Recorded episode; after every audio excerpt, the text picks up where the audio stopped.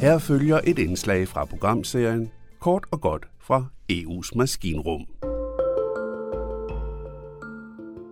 Bag titlen Konference om EU's fremtid gemmer der sig et ønske om, at EU skal lytte til sin egen borgere. I mange måneder er borgerne i EU-landene på en lang række konferencer blevet spurgt, hvad EU burde beskæftige sig med. Eller gøre bedre. Det kom der et stort ønskekatalog ud af. Et af ønskerne, der dog gik igen, var, at EU skulle være mindre byråkratisk. Det lyder fint. Men kan det lade sig gøre? For at få svar på det, har vi fanget ham her fra en noget larmende mobillinje.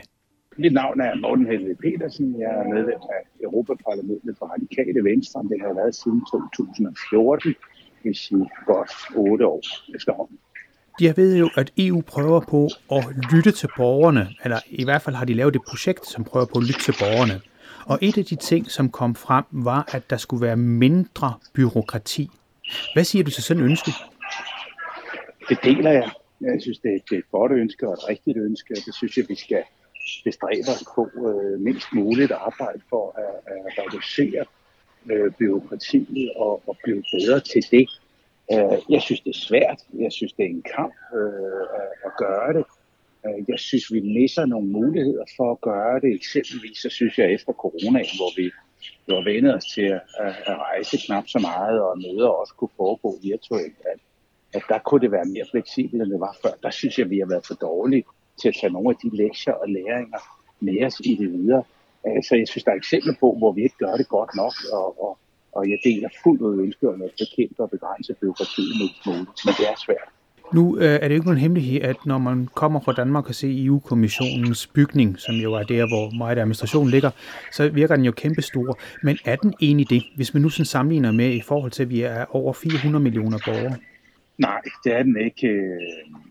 Og jeg synes også noget af, af anklagerne måske er lidt overgjort, fordi det er jo ikke fordi, der er voldsomt mange mennesker ansat i det europæiske i forhold til, hvad der er ude i medlemslandene, eller kommunerne, eller regionerne øh, hjemme i, i, i Danmark. Så jeg synes, der, der, der på mange måder øh, får man også nogle gange i hvert fald skudt i skole, at, at, det sådan er et stort øh, system. Ikke? Og det er det også, fordi det er netop på vegne over 400 millioner mennesker. Men med, med systemer hører også regler til, fordi modsætningsvis, så vil vi jo heller ikke have et system, hvor der ikke var regler for det. Og så er det hurtigt, at de her regler bliver omstændelige og byråkratiske og kan opfattes sådan. Ikke? Så det er en del af det. Vores opgave er selvfølgelig at begrænse det mest muligt, og samtidig sikre, at der er noget gennemsigtighed af nogle regler, der er til at forstå. Og det er bestemt ikke altid det lykkes, skulle jeg sige. Nej. Øh, Morten Helve, jeg tænker også, at øh, når man ser på byråkrati, som EU får skudt i skoene, kan man forestille sig, at det også er kontrollen, man, man er utilfreds med. Men, men samtidig med, så hører vi jo også historier om svindel, ikke mindst af, af danske politikere også. Så kan man egentlig reducere det her store apparat, uden samtidig Jamen, også gå på kompromis? Jamen, det er det, der er udfordringen. Det er det, der er øvelsen i det. Ikke? Og selvfølgelig kan man det. Og selvfølgelig skal man også det, og, og hele tiden være opmærksom på, øh, på, på hvor vi kan begrænse mest muligt. Men, men det er virkelig en udfordring at gøre det på en måde netop, så man stadigvæk har noget gennemsigtighed og nogle regler, som folk kan sætte sig ind i. Ikke? Så det er hele tiden en, en, en øvelse, det der med at, at prøve at, at, at skære ned og gøre så gennemsigtigt, som, som det overhovedet kan. Ikke? Altså, der er nogle muligheder på det digitale, og også ovenpå coronaen, som jeg ikke synes, vi er gode nok til at udnytte, eller øh, er gået for tidligt bort, eksempelvis i forhold til, hvordan Europaparlamentet arbejder og holder møder, hvor jeg synes, der var noget mere fleksibilitet, når man også kan gøre det virtuelt. Ikke? Så der er der nogle læringer der, jeg gerne så, at vi havde taget med mere videre. Øh, men det er en udfordring. Det er en daglig udfordring, det der med at prøve at holde byråkratiet med. En del af byråkratiet ligger jo også i enkeltlandene. Jeg ved, at Danmark, altså i Danmark har øh, en del jo kritiseret den danske måde at håndtere EU-reglerne på. Så kan noget af det her også skyldes, at de enkelte lande er for nidkære overfor reglerne? Ja, det kan det sagtens, og, og der findes også eksempler på, at, altså, hvor man fra altså, nogen side vil sige, at Danmark øh, altså implementerer reglerne for nidkært og, og, og, og for øh, altså, øh, for meget nede i detaljerne i nogle tilfælde. Ikke? Så der ligger også noget, der er også en del af diskussionen, der ligger i det krydsfelt, det er, at, at hvordan er det, vi går til det. herhjemme, hvordan er det, vi forvalter og administrerer nogle af de regler, hvordan det er, vi implementerer dem. Ikke? Så det er jo et eller andet samsurium af, hvad man gør nationalt, og så hvad man gør i fællesskab. Og det er bøvlet på tværs af landegrænser, på tværs af kultur, på tværs af sprog. Altså det her med sprog er jo også noget, der øh, giver noget byråkrati forstået på den måde, at, at vi jo oversætter jo øh, alle former for dokumenter og møder til alle landenes sprog. Øh, og, og det er jo en del af fællesskabet, at man også som dansker, eller slovener, eller portugiser, eller hvad ved jeg, skal kunne sige, jamen hov, jeg, jeg vil altså også kunne læse mig ind i, hvad der foregår på mit eget sprog, eller overhøre nogle møder, hvor, hvor det også bliver tolket på eget sprog. Og det er klart, det er jo med til at gøre det lidt tungt. Men overfor det står, at hvis vi bare blev enige om, at vi alle sammen arbejder på engelsk, så vil der jo også gå noget sammen. Så det er måske et meget godt eksempel på den balancegang, der skal, der skal gå her. Altså hvis vi sådan kigger på sigt, tror du dels, at der er en vilje til at bekæmpe det her byråkrati øh, sådan bredt i Europaparlamentet og måske også i kommissionen? Det vil jeg nok måske være tvivlsomt, at det er dem, der lever af det.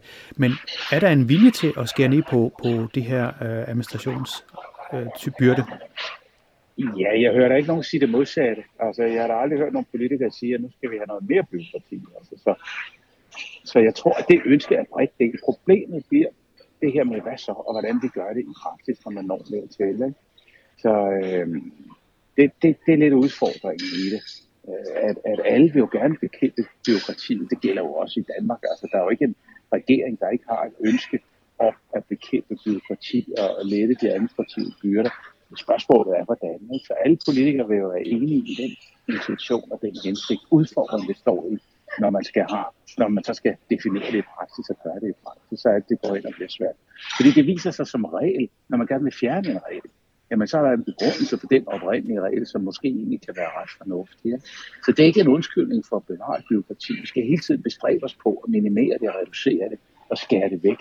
Det er bare svært at gøre i praksis. Men er det også udtryk for, at EU efterhånden fylder mere? Altså hvis, hvis EU får flere opgaver, så er der vel også mere administration?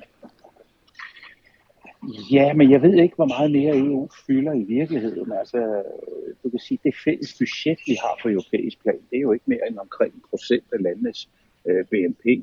Øh, lidt større nu, altså, så det er jo ikke det er jo ikke de store ting, de store sager.